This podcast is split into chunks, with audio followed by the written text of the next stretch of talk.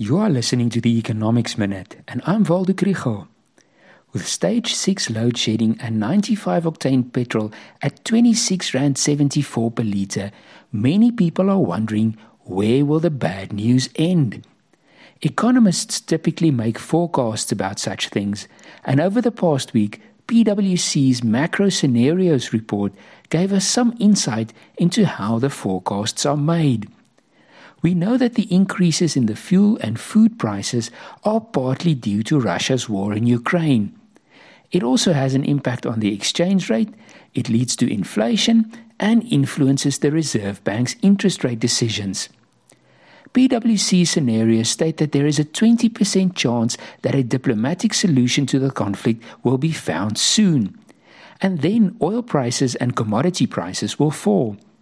If inflationary pressures are lower, interest rates will not have to rise as much, and then the chance of a recession is smaller. Then the rand should trade much stronger, around 15 rand 4 cents to the dollar. Inflation will average 6%, and the repo rate will rise to 5.25%.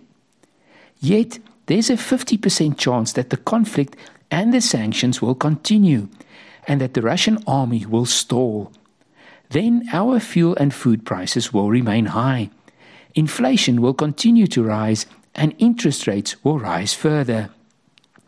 Then there's the possibility that Russian aggression will expand further, and that will lead to a large disruption of commodity markets for a longer period of time.